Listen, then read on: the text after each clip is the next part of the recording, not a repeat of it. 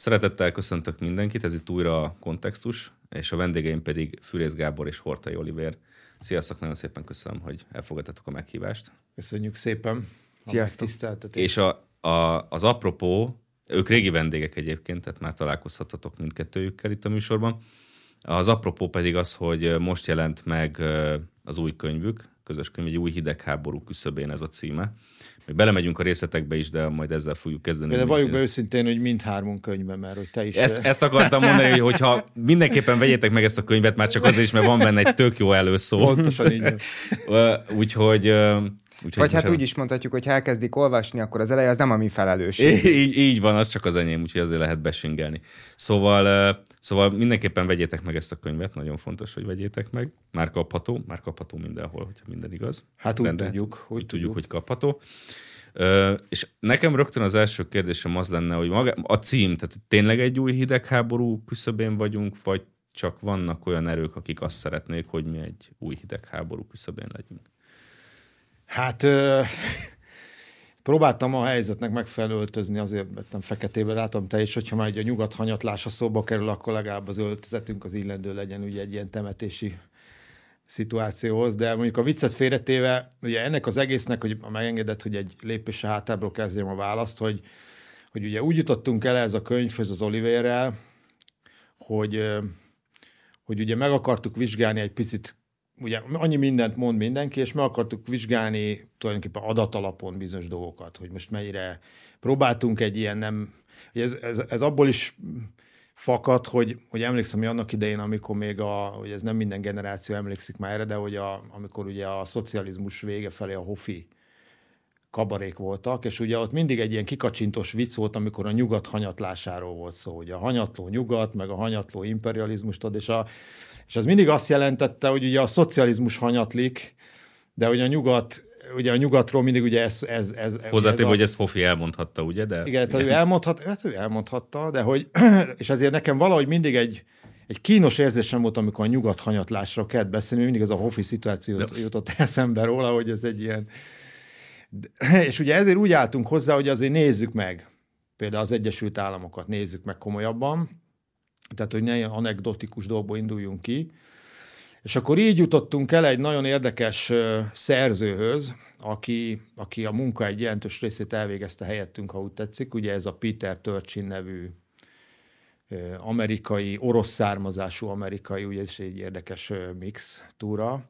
Egy orosz származású amerikai, aki populáció biológiából jött, tehát teljesen más területről, és onnan kezdett ilyen történeti dolgokkal foglalkozni, de mivel eleve a, ugye a, ugye a modern biológia az, az nyilván ilyen matematikai modellek alapján vezérelt uh, ilyen hard science, és ugye, és ugye próbált ezeket a módszereket átdobni a történeti jelenségeknek a vizsgálatára, és ő kezdett el, van egy könyve, ami a legjobb könyve szerintem ez az Ages of Discord nevű könyv, ami az Egyesült Államoknak a belső, az, az elmúlt 200 évét ö, elemzi végig, hogy milyen civilizációs ciklusokon, vagy milyen emelkedő, hanyatló ciklusokon ment át maga az Egyesült Államok az elmúlt 200 évben. És ugye ezekből indultunk ki, az ő kutatásából indultunk ki Amerika vonatkozásában, amikor elkezdtük elemezni ezt az egész problémát. És ugye hogy jutunk ugye a hidegháborúhoz, hogy ugye, a, ugye az előző hidegháború, az ugye nagyjából arról szólt, hogy, hogy két politikai, gazdasági modell versenyzett egymással. Ugye a szovjet típusú próbálta a befolyási övezetét kiterjeszteni nyilván a világ minél nagyobb területére, próbált ugye kisebb államokat is rábírni arra, hogy, hogy az ő modelljét, vagy, vagy nyilván a forradalmi dolgok támogatásával, vagy mozgalmak támogatásával rá fordulatot elérni. Az, egyes, bocsánat, az Egyesült Államok ugyanezt csinálta fordítva, tehát, tehát ő pedig próbálta a liberális demokrácia modell mentén, meg a kapitalista gazdaságszervezés mentén egy versenyt építeni. És ugye ez a két modell versenyzett egymással, és hát a történelem úgy hozta, hogy ami nekünk persze kedvező, hogy a szovjetek buktak bele előbb a versenybe. Ugye ez, amit az Oliveira könyvben a gyávanyú játék, já, ezzel a játék metaforával ír. De amit mondani akarok, az az, hogy ugye véget ért ez a történet. És ugye szerintem egy picit, ugye hajlamosak vagyunk abba a csapdába esni, hogy, ilyen, hogy a törésvonalaknak nagyon nagy jelentőséget tulajdonítunk annak rovására, hogy a kontinuitással nem foglalkozunk. Tehát ugye történt, a Szovjetunió összeomlott, és akkor eleve úgy vettük, hogy, hogy, hogy egy új korszak kezdődött már akkor, pedig összességében inkább azt gondolom, hogy egyszerűen az Egyesült Államok ugyanazzal a lendülettel ment tovább, ami, amilyen lendülettel ugye harcolt a Szovjetunióval szemben, és azt mondta, hogy hát, hogyha elbukott az, az alternatíva, akkor kiterjesztjük a mi alternatívánkat az egész földre. Ugye, tehát mindenki csatlakozzon, ugye tulajdonképpen Oroszország is csatlakozzon, ugye erre is voltak kísérletek, hogy Oroszországot integrálni a, ebbe a rendszerbe, Kína csatlakozzon, hát majd megdől a, az autoritár rezsim Kínába, de úgyis csatlakozni fognak, ugye ez, ez, ez ezzel a lendületen mentek tovább, és akkor volt egy ilyen euforikus pillanat, vagy nem tudom. És szerintem egy picit olyan helyzetben vagyunk, hogyha ezt egy kontinuitásként fogjuk fel, hogy hogy jutottunk a jelenhez, hogy, a, hogy minden Ugye most nem teljesen adekvát kifejezés a birodalom, de most az egyszerűség kedvéért fogom használni a birodalmat, mint az egy modern, ugye az USA egy, inkább egy olyan modern birodalom, aminek egy nagy befolyási vezete van, amit menedzsel különböző eszközökkel, tehát nem úgy, mint ahogy a római birodalom csinálta. De a lényeg most az egyszerűség kedvéért mondjuk azt, hogy birodalom. Ugye a, minden birodalom eléri egy bizonyos ponton túl az expanziónak a határait. Mert ugye egyszerűen nem lehet finanszírozni, nem lehet katonailag fenntartani, egyszerűen nem éri meg, meg hogyha belülről gyengül egy társadalom, ugye itt a Törcsin erre jött rá, hogy egy ciklikusan minden társadalom időnként felemelkedő, időnként, hát mint a, mint a hétből esztendő, hét esztendő mentén ugye vannak ilyen belső ciklusok, és, és, és ugye egy, egy idő után nincs elegendő erőforrása egy, érted, egy, egy, egy birodalomnak arra, hogy fenntartsa a pozícióit egy hatalmas területen belül. És ugye ez egy természetes határoz érkezik. És egy kicsit úgy érzem ezt a jellegi helyzetet, hogy, hogy ez a az első hidegháború utáni időszak az elérkezett egy természetes határához. Tehát, hogy egyszerűen az Egyesült Államok nem tudja tovább ezt tartani. És ugye ott kialakult egy belső vita, hogy a, a Trump-féle oldal az azt mondja, hogy akkor vonuljunk vissza, nekünk ez nem éri meg, foglalkozunk a belső problémáinkkal, most miért éri meg nekünk itt is jelen lenni, ott is pénzt költeni, ott is ugye miért költünk Ukrajnában, miért költünk ugye közelket, ugye ezek a kérdések, ezek erről szólnak, hogy hol legyen a birodalom határa, hogy érdemes-e fenntartani, vagy nem. És ugye a másik oldal meg azt mondja, hogy fenn kell tartani, meg kell tartani a pozíciókat, ameddig lehet, stb. És akkor így jutunk el szerintem a jelenlegi helyzethez, ahol van egy másik társaság, akik persze kölcsönösen nem értik egymást, ugye Kína és Amerika, vagy Kína egy több ezer éves civilizáció, más gondolati keretekből indul ki, másképp gondolkodik bizonyos alapvető kérdésekről, nem egy, nem egy alapvetően expanzív társaság, mint amilyenek mi vagyunk ugye a nyugaton, akik azért gyakorlatilag, érted, a, a római birodalom bukása óta folyamatos háborús állapotban vagyunk különböző fázisokban, mint az európai civilizáció. és a Kína egy picit más, és az amerikaiak nem is értik Kínát, meg én azt is gondolom, hogy nem is nagyon akarják érteni Kínát, de az a lényeg, hogy itt keletkezett egy új típusú szembenállás, mert ugye a, a kínaiak, meg a világ egy jelentős része az nagy örömmel átvette azokat a vívmányokat, amiket maguk hasznosnak tartottak, tehát a piacgazdaságot, mint egy koordinációs mechanizmust, ugye, vagy csúnyább nevén a kapitalista berendezkedést, a, a tőke ö, szerepét, átvették a technológiákat, ugye, amiket hasznosnak tartottak, és a dolog ott megállt. Tehát ugye azt, azt mondták, hogy gyerekek a, a liberális demokráciát, meg a progresszív ideológiát, meg nem tudom mit, azt úgy nem, azt úgy nem kérjük. Mert ugye a, ugye a mi civilizációnk az más álláspontról indul ki. És ugye szerintem így értünk el ez a helyzetet. Tehát ebben látni kell egy ilyen, vagy mi erre jutottunk az Oliverrel, amikor nézegettük a, a háttér számokat, meg a különböző érveléseket, meg az ezzel kapcsolatos tudást, hogy, hogy valahogy egy ilyen történelmi pillanat van, hogy az amerikai nevezzük akkor akár hegemóniának, az eljutott a terjeszkedésének egy természetes határáig, ahol egyszerűen a belső erőforrásai már nem, ele, nem elegendőek ahhoz, hogy ezt a terjeszkedést tovább folytassa. Lehet, hogy ahhoz se lesznek elegendők, hogy megtartsa a pozícióit. És ugye közben jelentkezett egy másik társaság, aki, aki akinek egyébként szerintem más, erről beszélgethetünk majd Oliver, te is mondd el, hogy mit gondolsz erről, de hogy a Kínának más a stratégiája szerintem, és ezt nem nagyon látjuk, vagy nem foglalkozunk vele. A címhez visszatérve, az elmúlt napokban inkább az ellenkező irányú visszajelzéseket kaptam, hogy, hogy hát persze, hogy már benne vagyunk a hidegháborúba, mhm. azt vetették fel sokan, és talán nem is alaptalan ez az álláspont sem az elmúlt fél év eseményeinek a tükrében, hogyha megnézzük, hogy az Európai Unió és az Egyesült Államok szankciós politikájának a célkeresztjében lényegében fél éve már nem is igazán Oroszország, hanem, hanem Kína áll, akkor, akkor könnyen elképzelhető, vagy könnyen tekinthetjük ezt már egyfajta hidegháborúnak.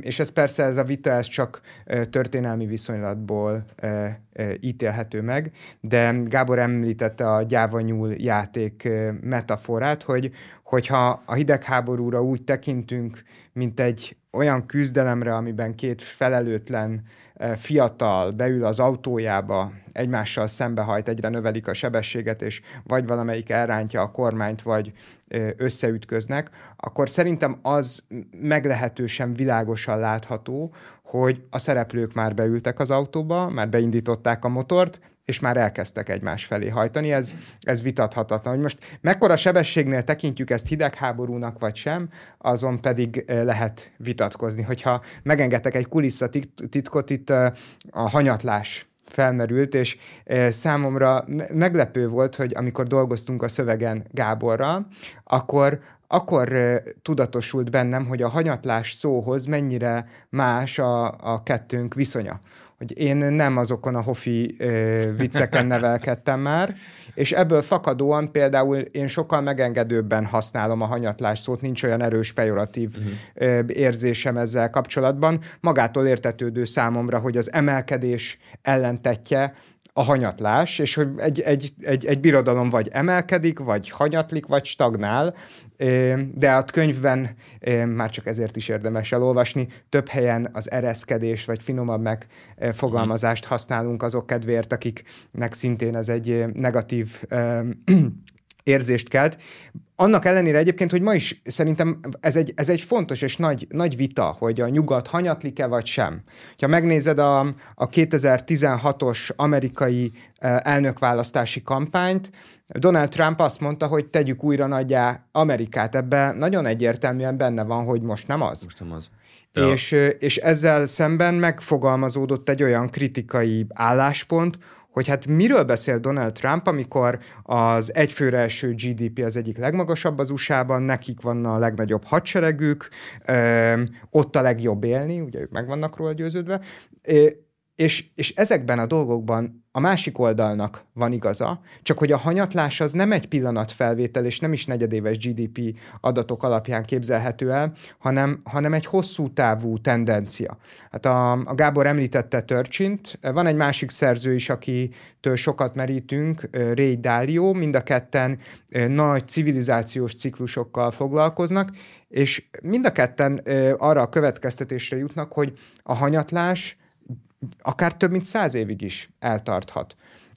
És, és nem feltétlenül ö, torkolik összeomlásba. Tehát az, hogy egy, hogy egy civilizáció vagy egy birodalom hanyatlik, és hogy elveszíti a hegemon pozícióját, az nem jelenti szükségképpen azt, hogy, a, hogy az állampolgárainak ö, a, az életszínvonala drámai mértékben lecsökken. Lásd a, lásd a briteket. Pontosan, pontosan, pontosan erről van szó. És a, és a legutolsó dolog, amit Gábor mondott, hogy hogy mit tudunk Kínáról, hogy ez, e, ebbe, a, ebbe a falba a beszélgetéseink során időről időre beleütközünk, hogy, hogy szerintem az Egyesült Államok viselkedését, működését, azt, azt jobban meg tudjuk európaiként érteni, mert sokkal közelebbi hozzánk kulturálisan és, és minden szempontból. Tulajdonképpen belőlünk született már, mint Európából született. Így van, azt, így van. Azokat a kiinduló pontokat hordozza magát. Viszont Kína esetében ez, ez sokkal kevésbé eh, jellemző. Például a,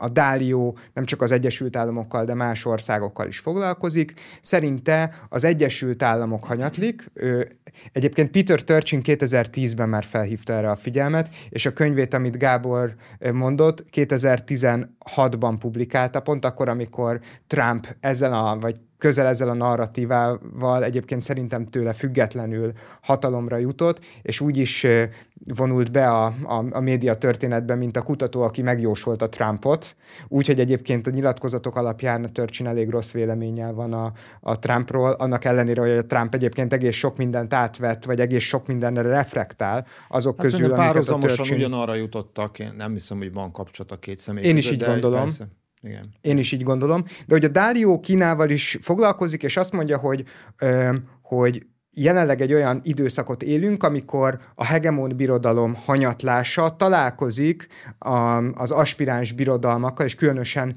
Kínának az emelkedésével, és hogy a történelemben, az ilyen időablakokban mindig megnőtt a konfliktusok, fegyveres gazdasági konfliktusok gyakorisága és mélysége, és ez a magyarázat, vagy ez lehet a magyarázat az orosz-ukrán háborúra, az izraeli háborúra.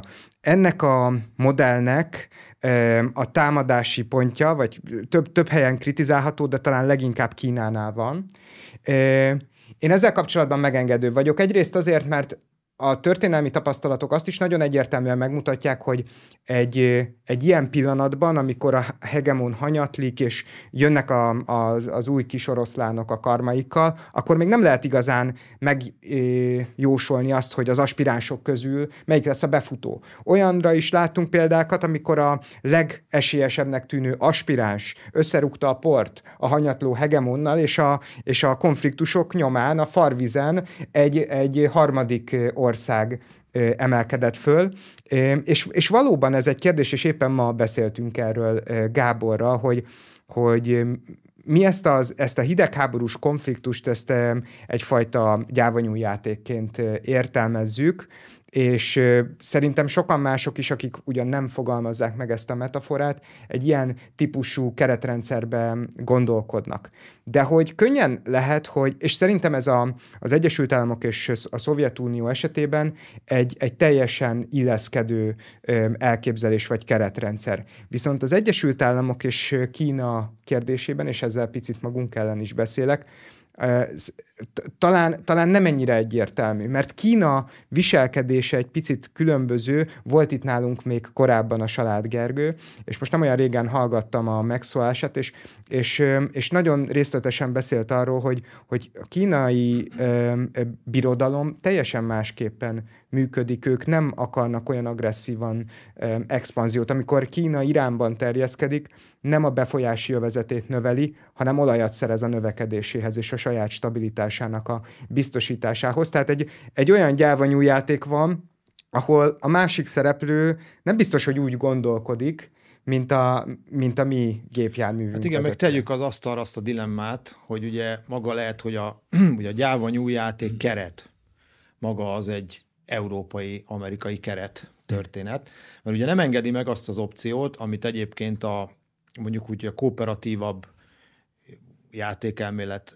játékelméletből kiindulva a végig gondolni, hogy, hogy ugye, ugye ez persze az se véletlen szerintem, hogy amerikai filmekből vesszük a mintát. Tehát ugye, hogy két őrült rohan egymás felé, és ugye mindegyiknek az a célja, hogy akár az élete kockáztatásárán lenyomja a másikat, ugye, és a szándékok eleve adottak. Hát meg nem lehet, hogy Kína az így megvárja, hogy mi lesz ennek az Ez eredménye. Az egyik, hogy... Hát igen, meg amit mondani akarok, hogy ha már látja Kína, hogy Amerika felé robog, tehát ugye, mert azzal nem tudsz mit csinálni, hogyha valaki robog felé. De, mi, de, de ugye van, vannak másfajta, hogy is mondjam, keretek. Tehát, tehát mi van akkor, hogyha megengednénk azt, hogy valaki lassítson?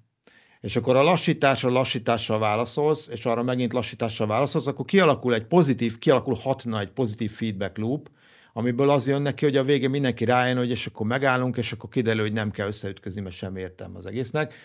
De ugye ezt nem engedi meg az eredeti játékmodell, ezt a szándékot, és ugye van egy ilyen, vannak ilyen típusú játékelmi kutatások, vagy játékelméleti kutatások, amik már így az evolúció biológiával összefüggésben találták ki őket, hogy, hogy megtalálni azt a stratégiát, ami a, ami a leghosszabb, ami a leghasznosabb hosszú távon, vagy ami, ami más stratégiákkal szemben működik. És az az érdekes, hogy az ilyen, erre csomó ilyen számítógépes modellezőt, hogy mondjam, számítógépes, számítógépes modellt csináltak, és, a, és amelyik kijött győztes stratégiaként, érdekes módon, aminek nincs sajnos jó magyar fordítása, ez az, van egy ilyen angol szólás, hogy tit for tat, és ennek nincs, mert ez szemet szemért szokták fordítani, ami teljesen félrevezető. Én inkább úgy próbálnám érzékeltetni, hogy a stratégiának mi a lényege, hogy, hogy készfogásra készfogás, ütésre ütés. Uh-huh. Tehát a stratégia lényege az, hogy bizalommal indul, és hogyha az ellenoldal is bizalommal válaszol, akkor a bizalom stratégiát folytatod, és abból létrejön egy kölcsönösen előnyös kooperáció. Hogyha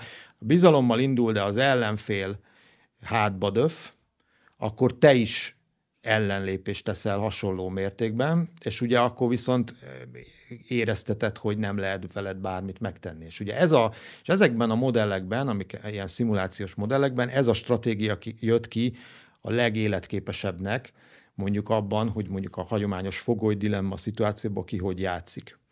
És hogy ez egy játékstratégia tulajdonképpen. És ez jött ki a legjobbnak. Ezt csak azért mondom el, mert hogy nem tudjuk, hogy Kína milyen stratégia szerint játszik, és azt feltételezzük, hogy ugyanúgy gondolkodik, mint mi már, hogy az Egyesült Államok azt feltételezi, és ennek megfelelően folytatja. De nekem sokszor úgy látszik, ugye most a, a, volt az Egyesült Államokban, San Franciscóban ez a találkozó, ugye ahol a Xi Jinping találkozott a, Biden. a Bidennel, és ugye a, a, a kínai elnöknek a nyilatkozataiból pontosan ezt látod, hogy, hogy megpróbál bizalmi lépéseket tenni. Tehát azt mondani, hogy miért nincs elég hely két nagy országnak a világban, lehetséges ilyen win-win helyzetet is előállítani, és akkor lemegy a találkozó, és azt követően a Biden azonnal diktátornak nevezi a sajtó nyilatkozatában újra a hmm. kínai elnök. Érted? Tehát, hogy, tehát hogy, hogy azonnal egy konfrontatív válaszsal válaszol, ugye arra, amikor valaki egy bizalmi ajánlatot tesz, érted? Tehát, e, e tehát ebből nekem az derül ki, hogy, hogy, nem, hogy a keretek másmilyenek lehetnek, érted? Tehát a kínai gondolkodás más, más, tehát más stratégia mentén történik, és nem feltétlenül értjük ezt a stratégiát, hogy ez miért van. Kicsit hadd provokáljalak titeket visszatérve a nyugat hanyatlására. Lehet azt mondani, hogy ugye ez, ez száz éves, de hát akkor száz éve biztos tart, mert ugye száz éve írták meg először a nyugat alkonyát, körülbelül száz éve. Tehát, hogy ez, ez már csak azt akarom érzékeltetni, hogy ez egy, ez egy régi toposz. Igen. Akkor nem hittük el, hogy ez bekövetkezik. Már pedig egyébként akkor is volt rá ugye indok, és lehetett azt gondolni, hogy ez a jóslat valójában hamar bekövetkezett, mert nem sokkal később jött a második világháború, és arról gondolhatta azt az ember simán, hogy a nyugatnak akkor most, most annyi. Igen. Ennek ellenére nem ez történt, hanem ahogy volt is itt szó róla, ugye a, gyakorlatilag a brit birodalmat, az egyik angol száz uralmat lecserélte egy másik angol száz uralom, ugye az amerikai birodalom felváltotta a brit birodalmat. Lehet, hogy ez fog következni most is, hogy valójában a, a nyugati civilizáción belül fog majd felemelkedni egy másik hatalom, és akkor Amerika helyett egy másik hatalom lesz majd megint uh-huh. hegemon. Ez csak provokálok titeket. Nem, ez jó, ez, nyilván ez egy előnyös forgatókönyv lenne, hogyha nem lenne mögötte ez Azt a... nem tudom megmondani, hogy ki. Tehát, hogy... É, tudom, hogy mire gondolsz, Gábor, csak hogy, hogy ugye azon gondolkodik az ember, hogy ugye van mögötte egy ilyen meta folyamat, ez a nagy demográfiai hanyatlás, amivel viszont nem tudsz, amire viszont kellene, hogy legyen valami megoldás. Mert De az a... az Egyesült Államokban is van, vagy inkább Na, az Egyesült Európában? Államokban ez egy nagyon érdekes dolog. Igen, tehát hogy az Egyesült Államokban korlátozottabban van. Ugye Európát nagyon komolyan érinti, ugye a születésszám visszaesésből fakadó gyorsuló népességcsökkenés. Az Egyesült Államokban az érdekes, hogy, hogy az egy, hogy ott valóban érinti az Amerikában született fehér lakosságot. De kevésbé érinti a, azokat, akik odaérkeztek Amerikába, és lassabban, tehát, tehát, tehát az előrejelzések szerint Amerikán a népessége lassabban fog uh-huh. csökkenni, mint Európáé, sőt, még Kínánál is lassabban, mert Kína még gyorsabban fog csökkenni, már a népesség.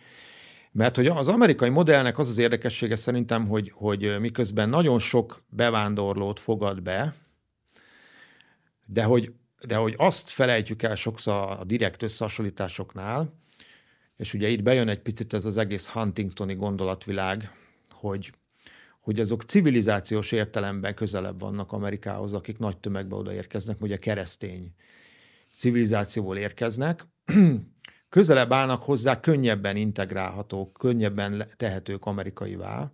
Európa esetében ez sokkal nagyobb probléma, mert alábecsüljük a kulturális különbséget. Tehát alábecsüljük azt, hogy az integráció szempontjából az, ami, tehát a diverzitás faktor, és most itt nem a nem a vók értelemben használt diverzitás kifejezést mondom, hanem az, hogy mekkora a távolság a befogadó népesség és az ideérkező bevándorlók között kulturálisan, hogy minél nagyobb fokú a diverzitás, annál kisebb az esély arra, hogy az integráció gyorsan be tudjon következni. Mert ugye civilizációs korlátok vannak, akkor nem jönnek létre keresztházasságok, tehát nem kezdenek el össze, összeházasodni a különböző etnikai csoportban jövő, jövő emberek, és az Egyesült Államok ilyen szempontból és azért nem véletlenül mondják rá ezt az olvasztó tégely metaforát, mert hogy, mert hogy ott valóban, de ennek, ennek hogy mondjam, vannak ilyen természetes okai, hogy ez miért megy könnyebben Amerikának, mint Európának. Ugye nekünk gyakorlatilag a közel-keletről, már ugye Európának közel-keletről és Afrikából kellene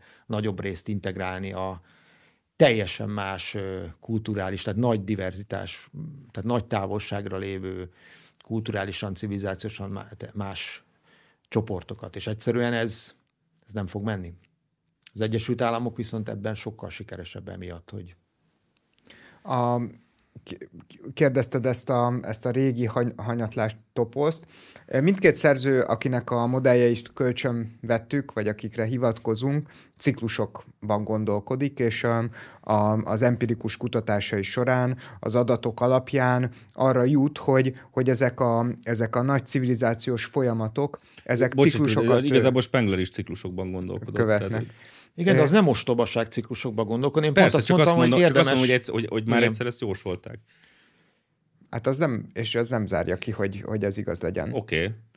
Okay. A másik, hogy, hogy számomra, számomra elég meggyőzőek ezek a modellek. Tehát a, a, hogyha megnézed a Törcsinnek a, a, a cikkjeit, vagy, vagy, vagy magát a könyvét, akkor egyszerűen nagyon elemi ö, ö, indikátorokat vesz segítségül. Szerintem borzasztóan logikus az, amit mond, ö, és és, és olyan mértékű korrelációt talál ezek között a mutatók között, ami mellett egyszerűen nem lehet elmenni. Tehát, hogy a, itt arról, arról van szó, hogy bármilyen empirikus munkát nézel, adatalapú munkát, akkor a nap végén oda kerülsz, oda jutsz, hogy hát oké, okay, de az eredményeket valahogyan intuitív oldalról is, elméleti oldalról is meg kell magyaráznod, ki kell dumálnod, vagy alá kell támasztanod. És mondjuk az, hogy a demográfiának, a munkaerőpiacnak hatása van arra, hogy egy ország mennyire prosperál, vagy, vagy arra, hogy az, hogy az elitek állapotának hatása van arra, hogy az országban mekkora eséllyel ö, ö, törnek ki zavargások, szerintem ezek logikus ö, összefüggések.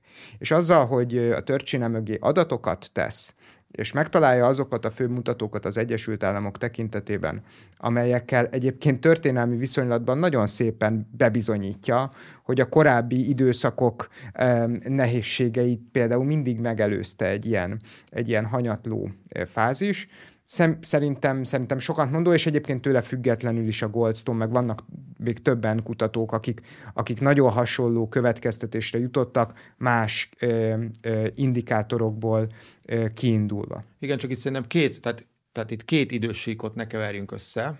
Ugye az egyik, amire a törcsén vonatkozik, az a belső, tehát egy adott államnak, vagy egy birodalomnak, vagy nevezzük bárminek, vagy egy egyszerűen csak egy nemzetállamnak, a belső dinamikája. Tehát a belső gazdaság, a belső társadalmi dinamikája, ami ciklikus. Tehát amiben vannak 50-60 éves periódusok, amikor emelkedik, lásd, mint a második világháború után az úgynevezett aranykor, ugye a kapitalizmus aranykorának nevezett időszak a 70-es évekig, utána válságok jöttek, utána az egész elkezdett lefele tendálni gazdasági társadalmi értelemben, több dezintegratív dolog jelent meg, és most arra ennek egy mélypontja felé haladunk, ugye a Törcsi modell szerint, de ez egy belső modell, és ugye egy, szerintem egy más idősíkon van maga a birodalom. Hát a birodalom túl tud, akár a római birodalom tudjuk, hogy milyen hosszú időn keresztül állt fenn.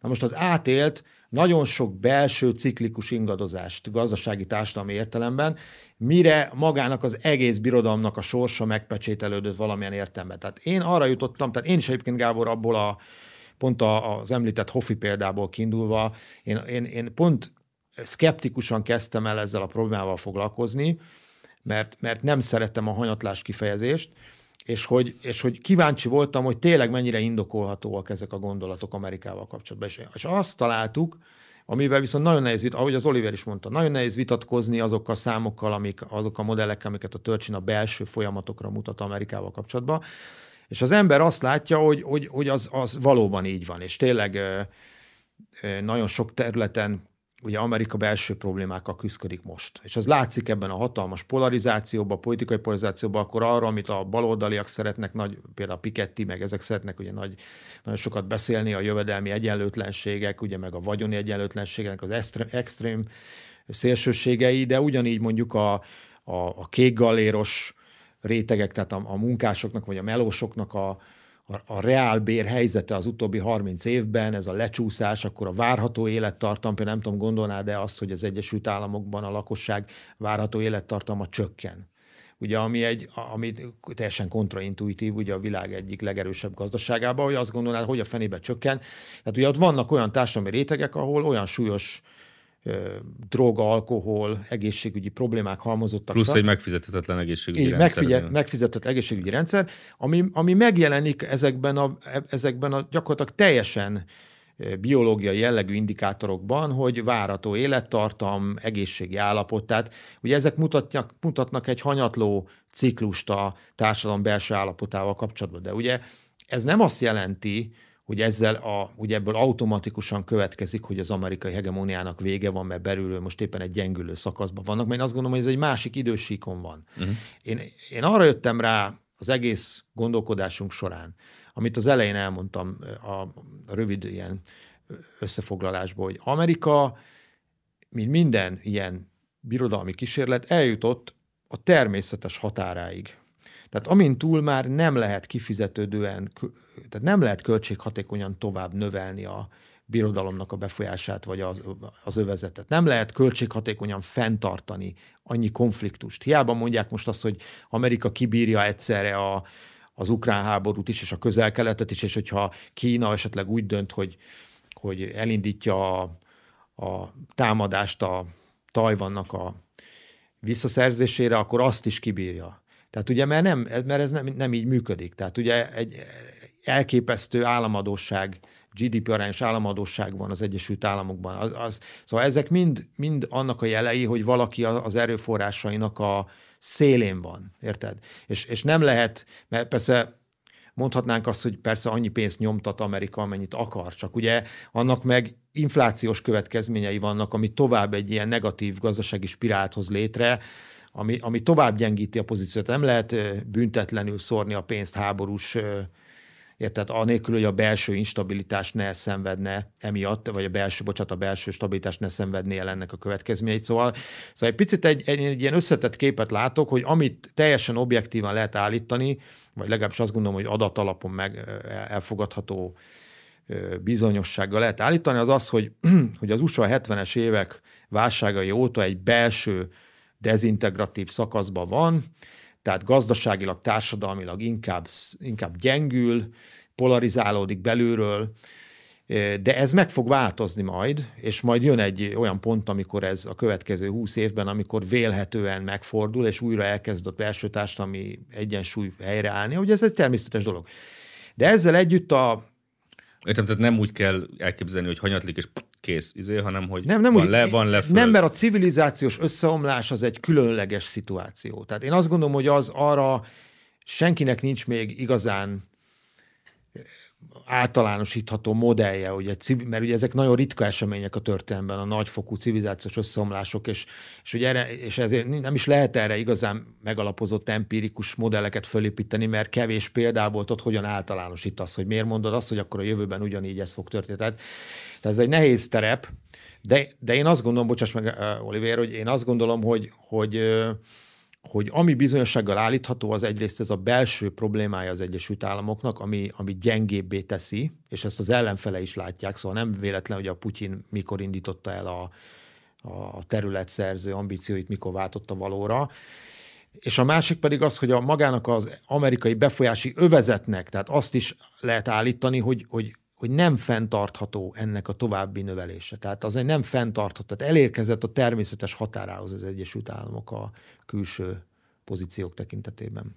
Ebben, a, ebben az ügyben lehet egyébként, hogy az angol kifejezések azok azok bizonyos értelemben szemléletesebbek. Mi ugye emelkedésről, hanyatlásról, ereszkedésről beszélünk, mert próbálunk magyarul beszélni.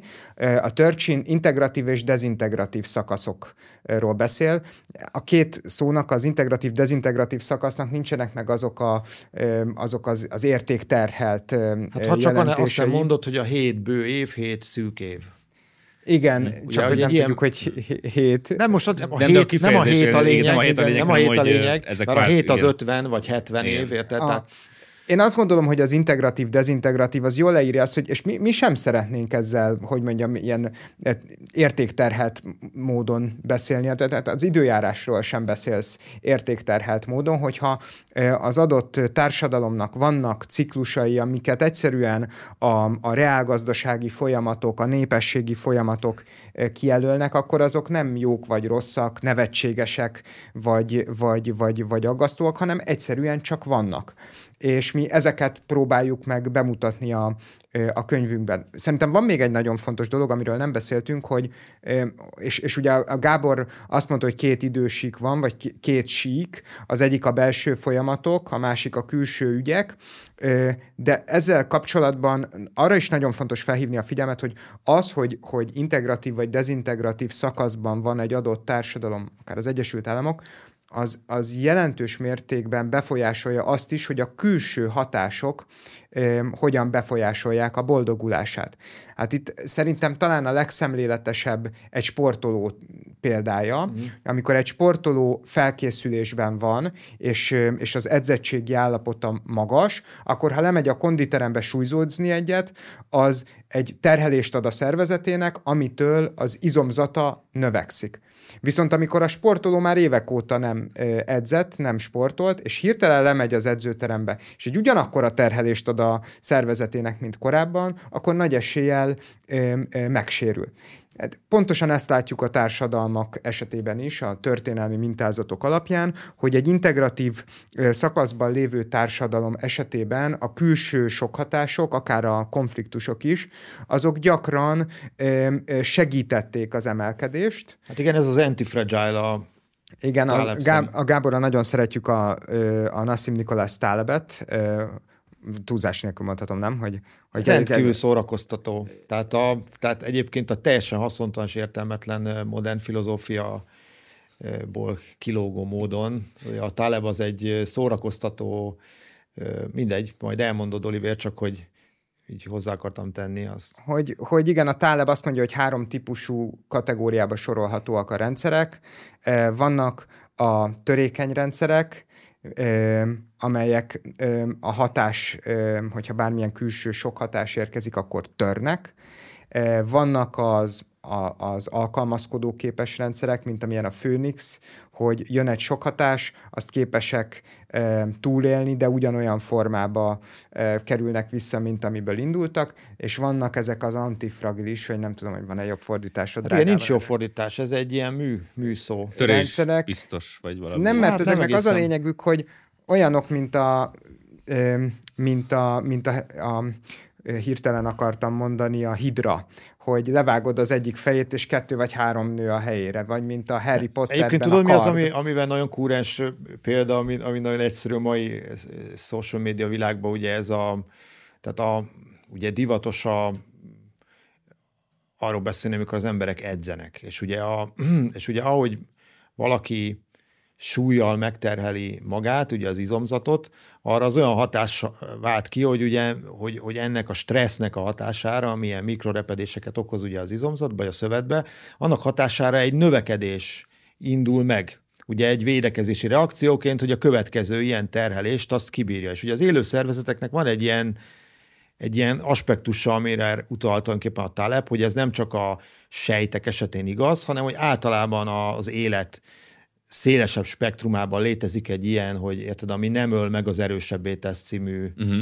Ezt a, ezt a közösségek esetében is látjuk, tehát a, a családok esetében is megfigyelhető gyakran, hogyha történik valami tragédia, akkor jobban összezárnak a, a családok, vagy, a, vagy akár a nemzetek esetében is, hogyha integratív szakaszban vannak és megtámadják őket, akkor az a reakció, hogy azonnal összezárnak és elkezdenek védekezni, és, és nagyobb teljesítményre lesznek képesek. Egyébként Izrael egy nagyon jó példa erre, ha már aktuális példákat keresünk. Ugye Izrael folyamatos küzdelme a környező arab országokkal, és Izrael azért a méreteit, ugye nem, szok, nem szoktuk megnézni, hogy mekkora Izrael valójában. Pici. Nagyon ugye? pici. De azért mondom, nem szoktuk meg. Hát Nagyon pici, kevesebben laknak ugye? benne, mint Magyarországon, és ebből, tehát hogy 9, azt hiszem 9 millió környékén van a népessége, és ebből 2 millió arab. Ilyen- Tehát, Igen. tehát és egy ilyen vékony csík És egy vékony ország, csík, és igen. hogyha mondjuk mellé rakod Iránt, országokat, hát mondjuk igen. Iránt, érted? 60 millió Tehát elképesztő különbségek vannak, és egy ilyen kicsi állam a küzdelmek során milyen elképesztő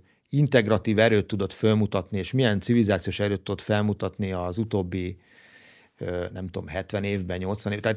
Tehát, tehát elképesztő. Hát, és csak a hatnapos háborúban ugye négy arab ország támadta meg. Igen. Izraelt, és, és Izrael ugye hát gyakorlatilag, hogyha jól emlékszem, három ilyen jellegű háborút nyert meg az arab ellenfeleivel szemben, az egy eléggé komoly teljesítmény. És de, de mondjuk, hogyha, tehát én, vagy hogyha beszéltetek olyanokkal, akiknek van élott rokonuk, vagy ilyesmi, hát a, a, az izraeli állampolgárok, fiatalok, azok lelkesen mennek most és harcolnak. Tehát nem az van, hogy mint amit egyébként... Külföldről is? Én úgy külföldről hallom, is. hogy, hogy ez egy probléma volt, hogy, hogy nehéz volt megszervezni a külföldön élő élőket, akik szerettek volna ö, hazamenni és segíteni. Igen, tehát nem az van, mint ami, amihez mi mondjuk nagyjából hozzászoktunk ugye Európában, hogy hát ha lehet, akkor azért mi ne, tehát hogy mi nem menjünk háborúzni, hanem az izraeliek azok mennek háborúzni. Igen, tehát amit, amit a, a Taleb anti-fragile-nak hív, annak például egyik legjobb példája Izrael. Mm.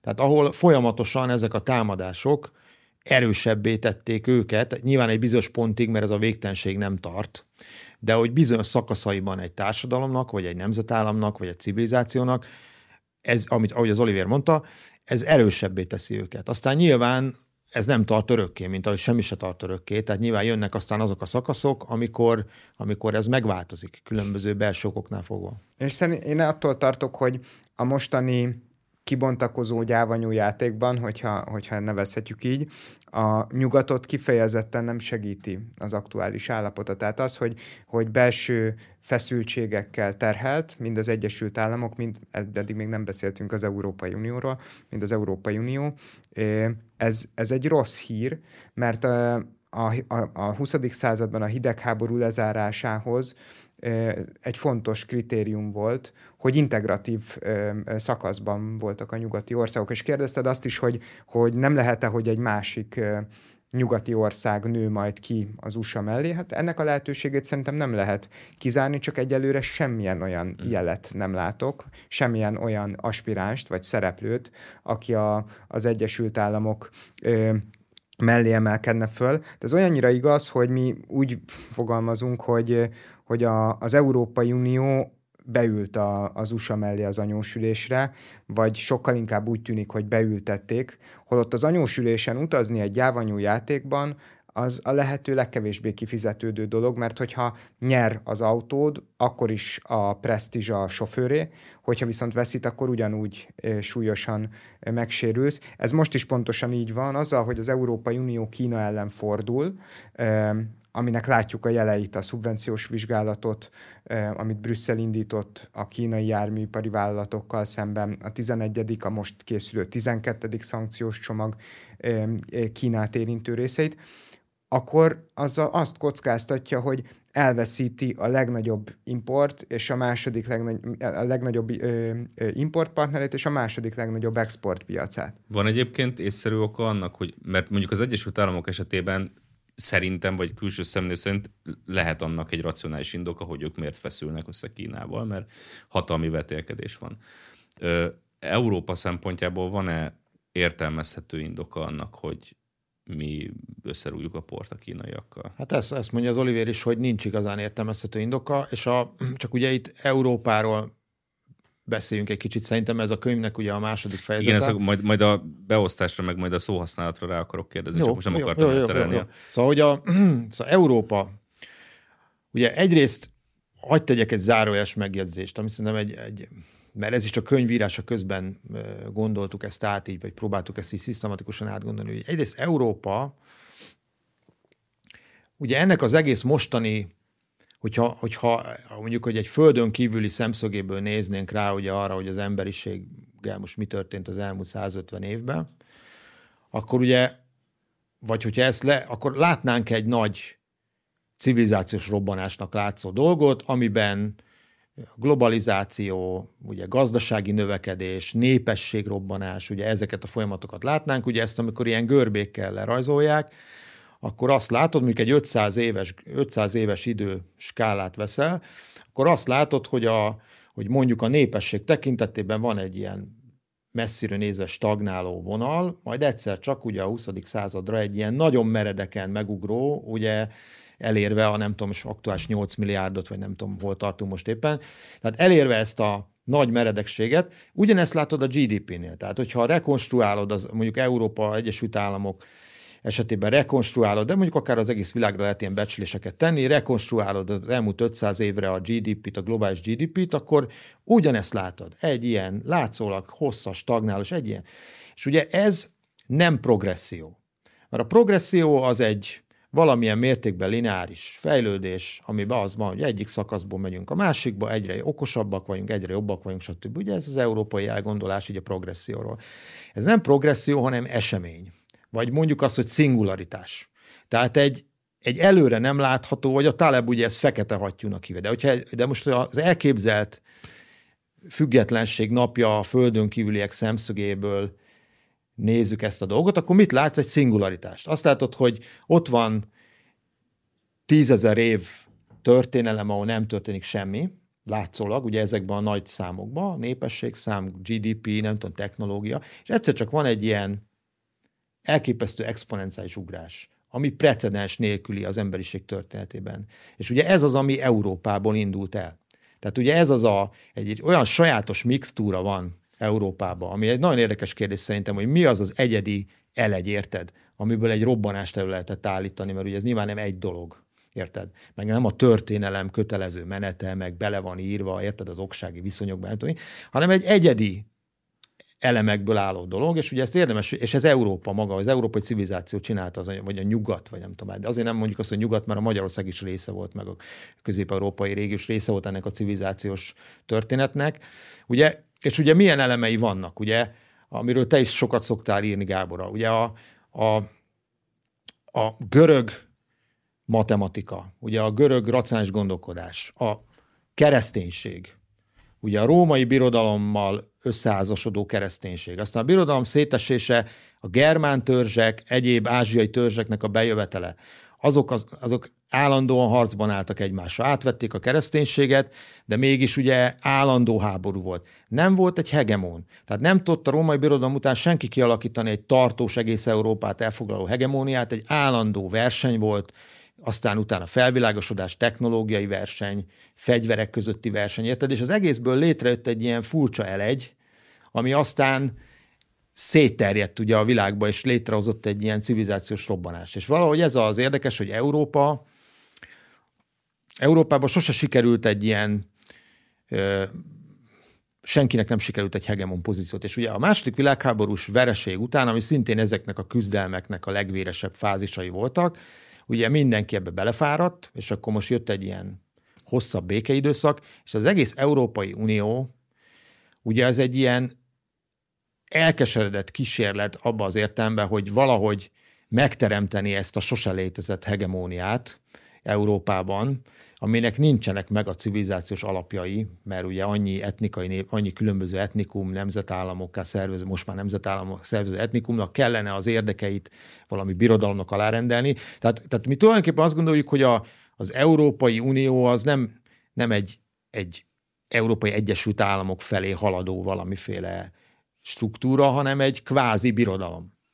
Csak azért gondoljuk azt, hogy ez egy befejezetlen birodalom, mert hogy lehetetlen valójában létrehozni, ahogy sose lehetett. Hát érted? két komoly kísérlet történt erre a múltban, de nyilván erre az illetékesek nem szeretnek hivatkozni, hogy melyik volt ez a két kísérlet, ami egy ilyen fajta teljesen egységesült európai birodalom. Ugye, hát ugye az egyik az Napóleon volt, Napóleon, a másik meg Adolf Hitler. Igen. Tehát ugye ez a két, és, és mind a kettő olyan, hogy hát nem biztos, hogy szívesen hivatkoznak erre. Igen, viszont ezúttal nem tudsz megnevezni egy személyt, akihez köthető ez a birodalomépítési kísérlet.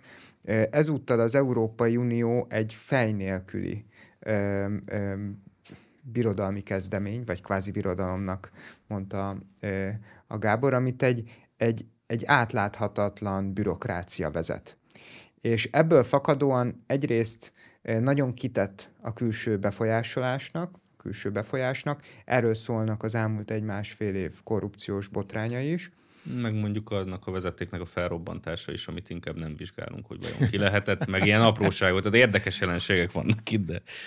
Csak Másrészt ez, ez okozza azt a súlyos irányítási válságot is, amivel az Európai Unió küzd, és amiből az következik, hogyha megnézed a, az Európai Unió és akár a tagállamainak a gazdasági, geopolitikai súlyát, akár a Törcsin, akár a Dálió, akár bárki más modelljei alapján, akkor azt látod, hogy, hogy itt azért komoly játékosok vannak a pályán, csak hogy olyan, mint hogyha a játékosok teljesen elhisztak volna, és nem tudják azt a potenciált kihasználni, ami, ami egyébként ben, bennük van. Tehát, hogy, hogy, hogy azt látjuk, hogy a geopolitikai, gazdasági súlyuknak megfelelő mértékben messze nem képesek érvényesíteni az érdekeiket. Hát fél évvel ezelőtt, amikor Ursula von der Leyen Joe Bidenhez ment látogatóba, majd hazajött és megváltoztatta, vagy, vagy elkezdte nagyon intenzíven megváltoztatni az EU-Kína politikáját, hát annak a tárgyalásnak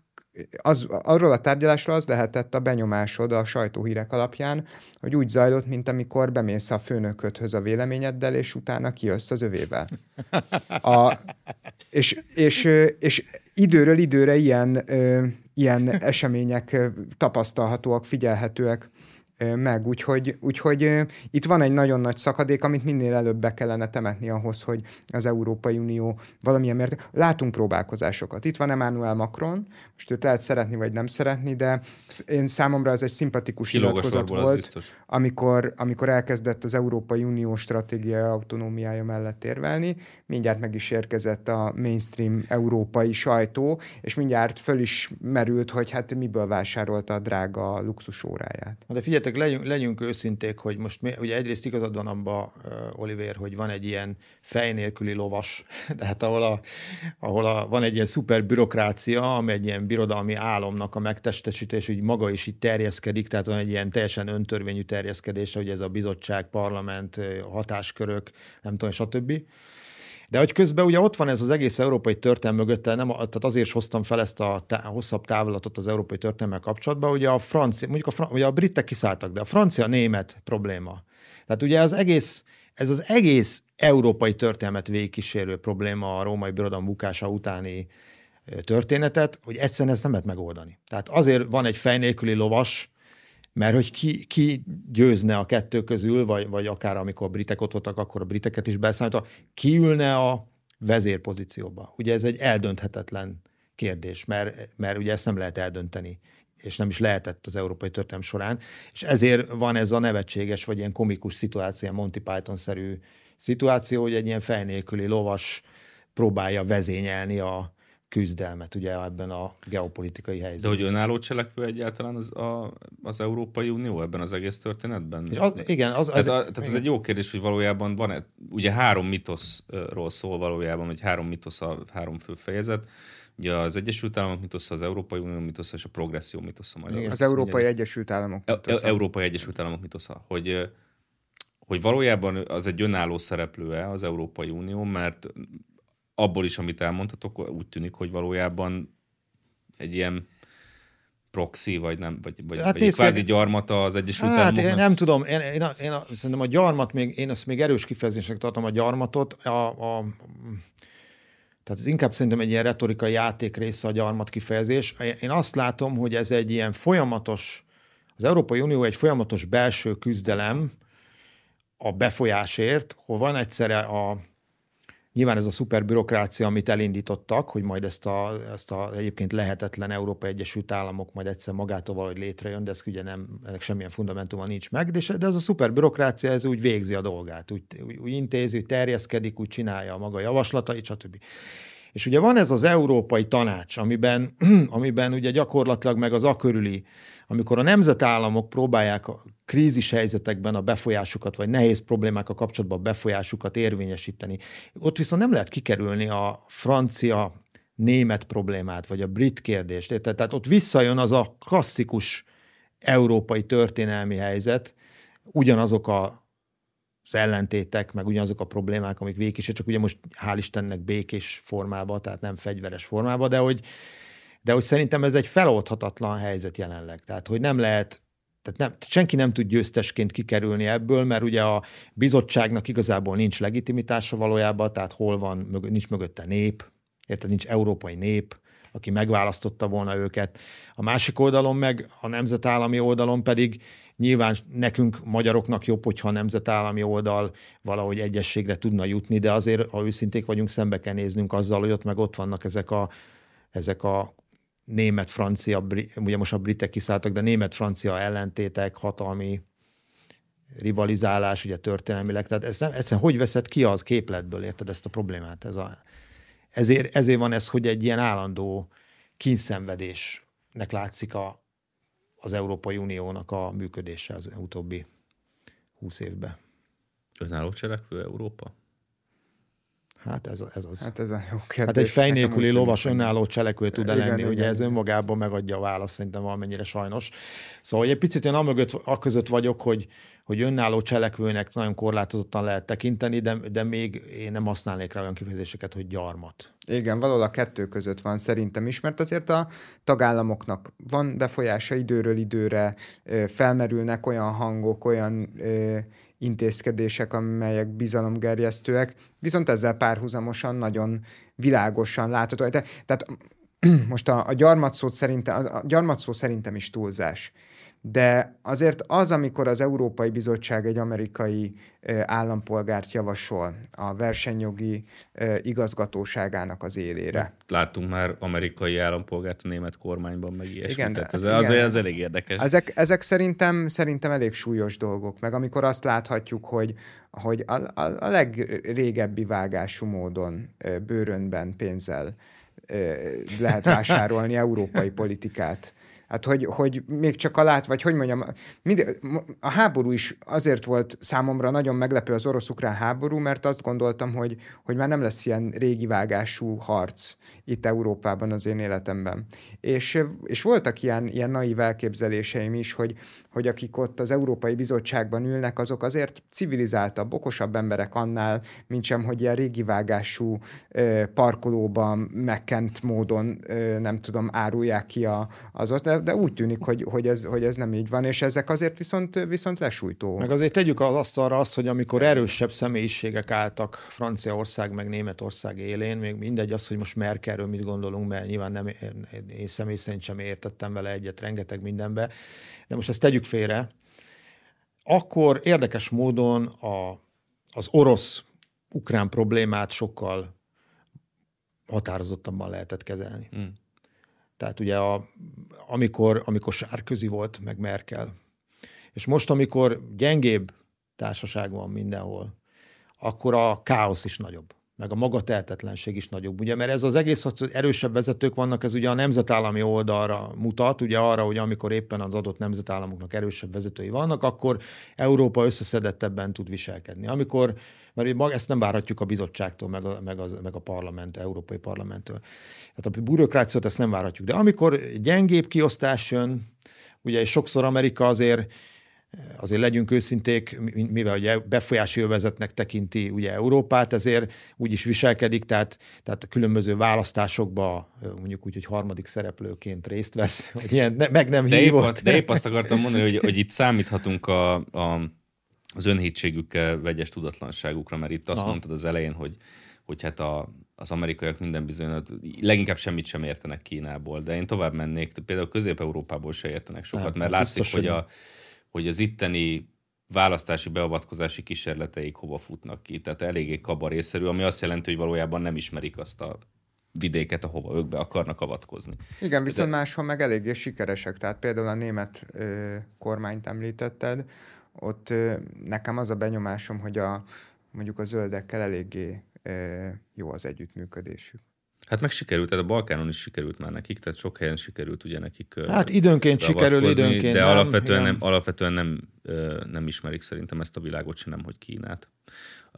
A szóhasználatra akartam még Igen. rákérdezni, mitosz. Van ennek különleges jelentősége, hogy mindhárom esetben mitoszról beszéltek, mit értettek ez alatt, mert nagyon sok mindent értettek el ez alatt a, a szellemtörténetben, vagy a... Vagy a Igen, na ezt gondoltam, most ugye most egy ilyen belső vita a helyzetbe kerülünk, mert ugye te ennek vagy a szakértő. De én véletlenül sem vagyok, csak, csak nagyon sokféleképpen használják de ezt a kifejezést. Mi viszont... Mi viszont Lehet, hogy te, teljesen hétköznapi értelemben használjátok. Igen, mi sajnos azt a bűnt követjük el, hogy teljesen hétköznapi értelemben használjuk, tehát úgy gondolunk rá, hogy hogyha eddig voltak illúzióink a, a, arról a világról, amiben éltünk, mert ugye a, a hidegháború, az első hidegháború befejeződése után a 90-es években egy ilyen hurrá optimista dolog volt, ugye? Globalizáció, a liberális demokrácia győzelme, az egész világ csatlakozik, világfalu, emlékeztek erre, Bill Clinton volt az elnök, tehát egy ilyen hurrá optimista történet kezdett kibontakozni. Unipoláris pillanatnak nevezték Unipoláris, a neokonok, igen, igen. Igen, meg a Mirsheimer is ugye a liberális hegemóniának nevezi igen, ugye az öreg. És hogy, és hogy ez aztán elkezdett ugye a mosoly lekonyulni. Most, ugye sokan azt mondják, hogy ez 2008-as világgazdasági válság, én szerintem 2001. szeptember 11. 11. Uh-huh. Tehát szerintem ott kezdődött a mosoly, ott kezdett a mosoly lekonyulni, és utána fokozatosan az újabb és újabb pofonok kapcsán ez ugye egyre inkább aggodalomra váltott át, és ugye most mi azt mondjuk, hogy ezt ilyen nagy kiábrándulásnak hívjuk, itt a, de egy ilyen típusú, mint annak idején a Freud a rossz közérzet a kultúrába című történetével, tehát egy ilyen, egy ilyen általános, tehát az, ez az egész Zeitgeist, ez megváltozott, és egy ilyen, egy ilyen bizonytalan, támpont nélküli, Érted? Nem véletlen szerintem, hogy ez az egész megbukott progresszív ideológia, meg annak a különböző válfajai. Most ezt nem is akartuk az Olivérrel elemezgetni, és pont nem akartunk a te területetre bevonulni. Hogy de mindenképpen beszélünk szellem, a progresszióról. De beszélünk csak, csak ugye a lényeg, amit mondani akarok, hogy szerintem a, azok, amik most uralkodóvá váltak a progresszív oldalon, azok patológiák. Tehát ugye ezek az apokalipszis váró, szélsőséges, időnként civil vallásosnak is nevezhető mozgalomszerű ideológiák, azok, azok patológia, patológikusak abban az értelemben, hogy a, mivel a lényegi progresszió történetek azok mind megbuktak, mert ugye rájöttünk, hogy a világ nem olyan, mint amilyennek mi előrejeleztük ezek alapján, a történetek alapján, ezért egy félelem érzet lett úrá, meg egy szorongás, ezért hoztam fel a Freud példát, és hogy ebből az egyik lehetséges, ilyenkor az szokott történni, hogy, hogy, akkor, hogy akkor elkezdenek a, a, az emberek egy része világvége történetekhez fordulni, mert hogyha valami, ha összeomlott valami, amiben hittünk, akkor biztos ez az apokaliptikus szituáció. Érted? És egy ilyen, és ugye szaporodnak ezek az apokaliptikus történetek. Ugye az Olivernek vannak ilyen kedvencei, ez a nem növekedés doktrina, meg a, meg a különböző radikális zöld megoldások, ugye ezek, meg van nyilván. Hát az elnevezések is ilyenek Extinction Rebellion. Tehát az, az is egy arra utal, hogy most, most már közel a vége. Ezt nagyon régóta mondják, hogy közel a vége egyébként. Hát, igen, csak tudod, te tudod, hogy, hogy ez is a keresztény fantázia világból persze, származik, persze. mert ennek vagy az egyik szakértője, ugye, de hogy, és ez egy nagyon érdekes von, ilyen mellék zöngéje ennek az egész sztorinak, de a lényeg az, hogy egy ilyen nagy történet, igaza lett a posztmoderneknek, és amikor tényleg nagy történetek nélkül maradunk, akkor mindenki összeszarja magát. Én és úgy, ugye most ez a helyzet van. Igen, én úgy látom, hogy ez, hogy ez, ez, ez nagyon, nagyon egyértelműen tapasztalható, és én azon tűnődtem egyébként, hogyha már így a szavakba meg a címbe belemegyünk, hogy, hogy, hogy mennyiben igaz az az állításunk, hogy az orosz-ukrán háború, az orosz-ukrán konfliktus döntötte meg ezeket a mítoszokat. Ez, erről beszéltünk is a Gáborral, mítosza válogatja, de hogy, hogy ez csak saját szempontból lehet, mondjuk például az ideológiák esetében értelmezni, és, és szinte valamennyi mítosznál, amit, amit felvetünk, már korábban is egy, egy, egy hanyatlás vagy egy ereszkedés volt tapasztalható. Tehát akár az Egyesült Államok pozíciójáról hosszan beszéltünk, az Európai Unióval kapcsolatban a második fejezetben végigvesszük az elmúlt 15 év nagy válságait, és mindegyik nagy válságot követően a föderalista Európai Egyesült Államok víziójának, meg, vagy egy, Európai Egyesült Államok megteremtését célzó víziókból származtatott megoldások megbuktak. A progresszív ideológiák esetén az a típusú neoliberális gazdaságszervezési történet, ami az elmúlt évtizedekben meghatározó volt már a 2008-as válságkor megingott, az a az az elképzelés, hogy a liberális demokráciák és azok kiterjesztése békét hoznak az emberiségre, az valóban szerintem is már a 2001-es eseményekkor Igen, de szerintem egyébként... ezeket, ért, ezeket az eszmei fejleményeket értelmezitek úgy, hogy a progresszió mitosza? Hát a progresszió mitoszait azt úgy értelmezzük, Progresszív hogy, ideológiák mitoszai, bocsánat, igen, tehát hogy, hogy, hogy hogy nagy haladás történetek. Tehát ugye a... Egyszerű receptek. Hát, a, hát egyszerű receptek és nagy haladás történetek, tehát a...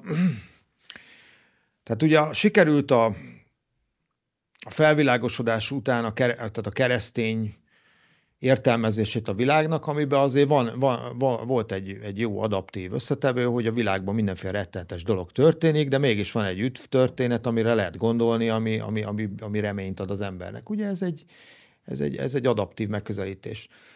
Ugye ezt fölváltotta, fölváltották különböző, szerintem számtalan különböző változatban, ugye a, a nagy történetek a progresszióról, hogy, hogy majd az ilyen módon vezet el, most mindegy, hogy aztán ezekből egy része zsákutca lett a, a kommunista vonal, ugye de helyette aztán jöttek újabbak, ugye a, ez az egész neoliberális verseny, ideológia, meg hogy a, meg hogy a liberális demokrácia vezet el a történelm végéhez, meg el, tehát különböző ilyen változatok voltak. Csak most vagyunk valahogy úgy, hogy elfogyott a muníció.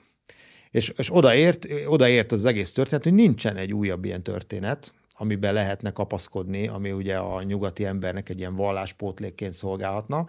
És akkor ott állunk szemben a nyers geopolitikai problémákkal, anélkül, hogy lenne egy ilyen történetünk, érted? És mi erre akartunk rávilágítani bizonyos értelemben, hogy, hogy egy ilyen légüres térbe érkezett ez az egész társaság, ez az egész történet. Meg szerintem csak azt akart, arra akartam utalni, hogy, a, hogy az orosz-ukrán háború az ezeken a területeken mind szerintem, az, szerintem ettől függetlenül fontos válaszvonalat jelentett. Tehát a, például a neoliberális gazdaságpolitikai elképzelések nagyon nagy pofont kaptak a 2008-as válságkor, de, de továbbra is az maradt a világgazdaság fő rendezőelve, nagy története.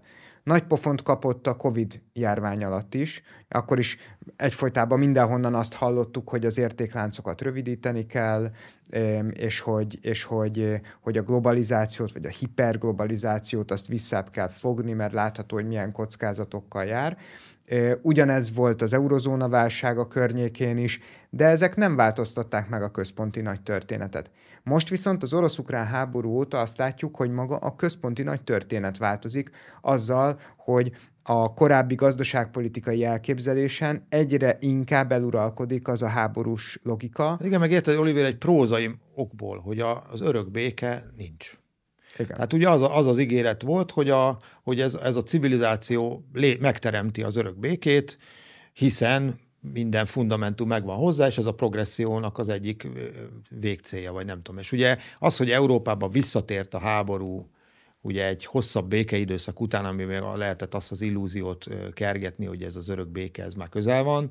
Ugye emlék, emlékeztek arra, hogy, hogy mennyi ilyen beszélgetés volt, akár csak 5-10 évvel ezelőtt arról, hogy a háború formái megváltoztak, és hogy soha többet nem tér vissza a, a, a 20. Mert modern század. technológia, modern drónok, techno- nem tudom, ehhez képest az emberek igen, ott tölik Pontosan, fronton, és ugyanúgy a lövészárkokba állnak, és ugye ez, meg, meg, meg ugye, hogy igazi háborúk már nem lesznek csak terrorista küzdelmek, meg ilyen terror események, tehát hogy, ugye ez egy nagyon divatos történetmesélés volt ugye egy 5-10 évvel ezelőtt. És ugye ezt az egészet keresztül húzta az ukrán-orosz háború, ahol visszatért a 20. századnak a, a hadviselési te, technológiája, meg az egész helyzet visszatért, és ez az örök béke történet, az megint kapott egy Gellert.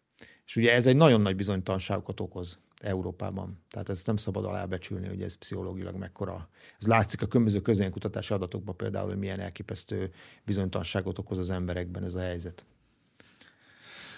Szerintem a, itt a végén arra érdemes kitérnünk, hogy ez az egész kép, amit fölvázoltak, és hát annyira nem lelkesítő azért, hogy összességében a jövőre való, jövőre való tekintettel, hogy hol van ebben Magyarország helye, vagy, vagy mit tehet Magyarország ebben a szituációban? Különösen mit tehet egy új hidegháborúban, hogyha már abban benne vagyunk, vagy benne leszünk?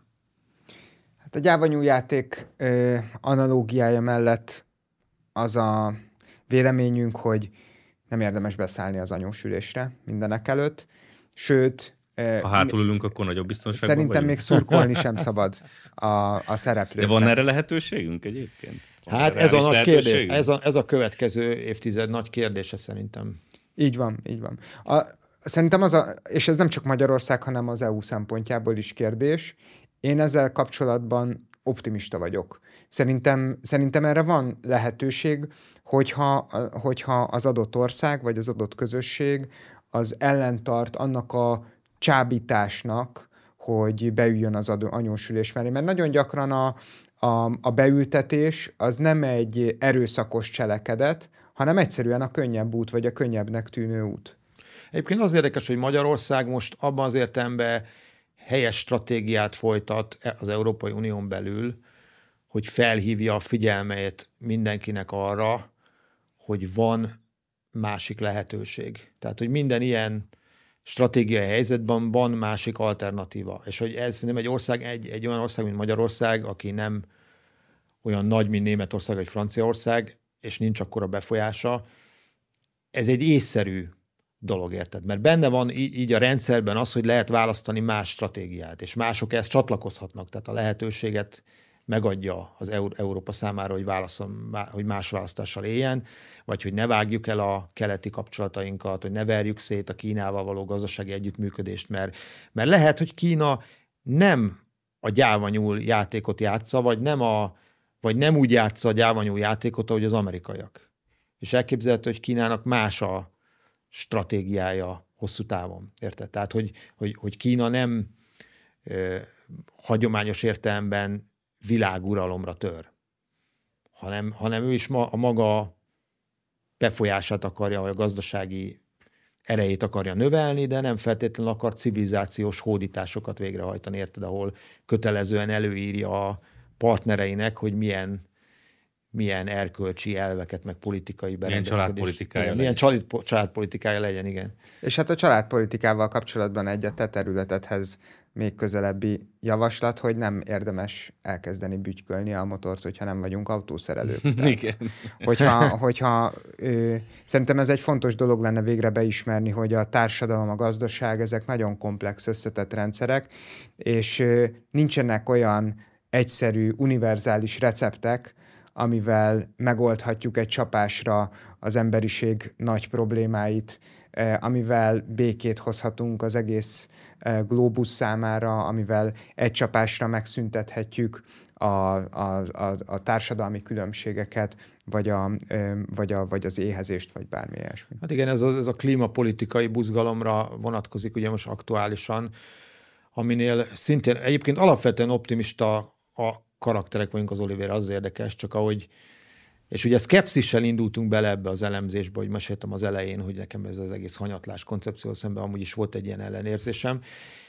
És aztán a végén tényleg egy, tehát arra jutottunk, hogy tényleg egy marra nehéz szituáció van, tehát hogy akármennyire is szeretné az ember optimistán szemlélni, de azt mindenképpen, amiért küzdeni lehet, hogy a hülyeséget hülyeséggel ne, ne fejelje meg ugye a nyugati oldal. Tehát ugye gondolok itt arra, hogy azért a 20. század történelmének vannak olyan horror példái, amikor ezek a radikálisabbá váló elit, az elitnek a radikálisabbá váló aspiráns oldalai, most gondolok itt ugye a bolsevikokra például, amikor azt gondolták, hogy ilyen huszárvágásokkal meg lehet oldani a modernizáció problémáját, egy, egy, ugye most én mindig a sztálini kollektivizálást szoktam mesélni, mert ugye majd most ki akarjuk adni ugye a, a Stephen Kotkinnak a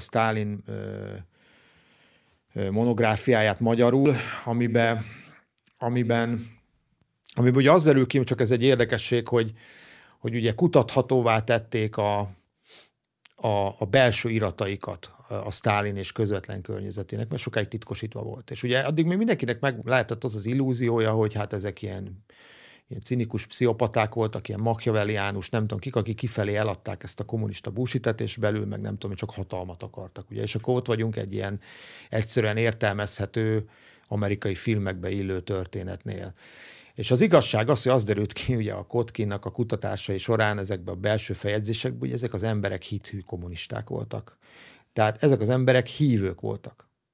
És ugye ez, ez azért vezet vissza a kockázati problémához, mert amikor egy ilyen hívő radikális elit ugye azt gondolja, hogy, és ez visszavezet ugye a te könyvedre, amit írtál erről a, erről a ugye a keresztény szekta problémára, ami történik, visszavezet ide, hogy amikor ezek az emberek a földi mennyországot azt komolyan gondolják, és azt mondják, hogy ezt most meg kell valósítani. Hát, hogy az ember abba hisz, hogy a földi mennyországot meg lehet valósítani, akkor minden akadályt le kell küzdeni, ami ennek az útjában van, és ez az egész Stalin és környezete. Általában emberek vannak az útjában, és... Igen, így van. És ugye, és, és ugye a, a tragédia azért következett be, mert az egészhez kellett a Stalin abban az értelemben, akiben megvolt az a hogy is mondjam, az a, az a radikalizmus és az a hajthatatlanság, ez a könyörtelenség, mert mások bizonytalanabbak voltak a környezetében, hogy most mennyire szabad a parasztságot belekényszeríteni a kollektivizálásba. És hogy, mert ugye ezek ugye nem gazdagok, nem burzsóák, tehát itt nem arról szól, de hát, és akkor azt mondta a Stalin, hogy de igen, de a magántulajdont fel kell számolni, mert ugye ezt meg kell lépni, mert akkor elérkezünk egy sokkal fejlettebb állapotba. És ugye ezt megtették, ugye a parasztság akarata ellenére, és ugye ebből lett ez a brutális kollektivizálás, amiben az éhínség ugye az, ami, tehát a, ami tulajdonképpen a nagy része Ukrajna területén történt, tehát ugye a, tehát az egy rettenetes történet. És ugye, és ugye hogyha ezt az Oliver gondolkodása szempontjából fogalmazzuk meg, akkor azt mondanánk, hogy ugye a, a Stalin mit csinált? Egy létező komplex gazdasági struktúrába egy baltával beavatkozott egy lineáris logika mentén, és szétverte az a meglévő struktúrákat, és ez egy, ez egy diszfunkcionális rendszert hozott létre egy ideig, aztán utána nyilván megszervezték óriási áron, központi tervezéssel, de úgy ugye ez a helyzet a klíma problémával is, hogy ami, ami aggasztó szerintem, hogy megint itt van egy ilyen radikális elit, tehát akik most ugye tüntetgetnek így a, a palesztin ügy mellett, és ugye ez nagyon hasonlít a 20. század elején megfigyelhető radikális baloldali elitre, vagy ilyen aspiráns elitre, mert ugye ezek még nem nincsenek hatalmon igazából. De hogy ezek rendkívül fogékonyak ez a csapat ezekre, a, ezekre az ideákra, érted, amik, amik, amik, a, amik az utopisztikus elképzeléseket azonnal végre akarják hajtani. És ugye ezért van egy picit analóg helyzet, vagy ami, ami csak növeli ugye a, könyvnek sajnos a pessimistább oldalát, hogy, hogy ugye, ha előáll egy zűrzavar, amiben, amiben ez a társaság megkapja a lehetőséget, hogy végrehajtson dolgokat, akkor megpróbálnak beavatkozni a komplex rendszerekbe ilyen ostoba, lineáris módon, mint ez a nem növekedési doktrina, meg ehhez hasonló érted. Akkor előállhat egy hasonló szituáció, mint ami annak idején a keleti oldalon volt. Nagyon szépen köszönöm, hogy elfogadták. Ja, Még azt hittem, hogy optimista. Az, hogy de, optimista. Hát, mondom, de, de, de, de, egyébként elmondtátok, hogy optimisták vagytok, úgyhogy nézők, neked szeretnénk hangsúlyozni, hogy egyébként a szerzők optimisták.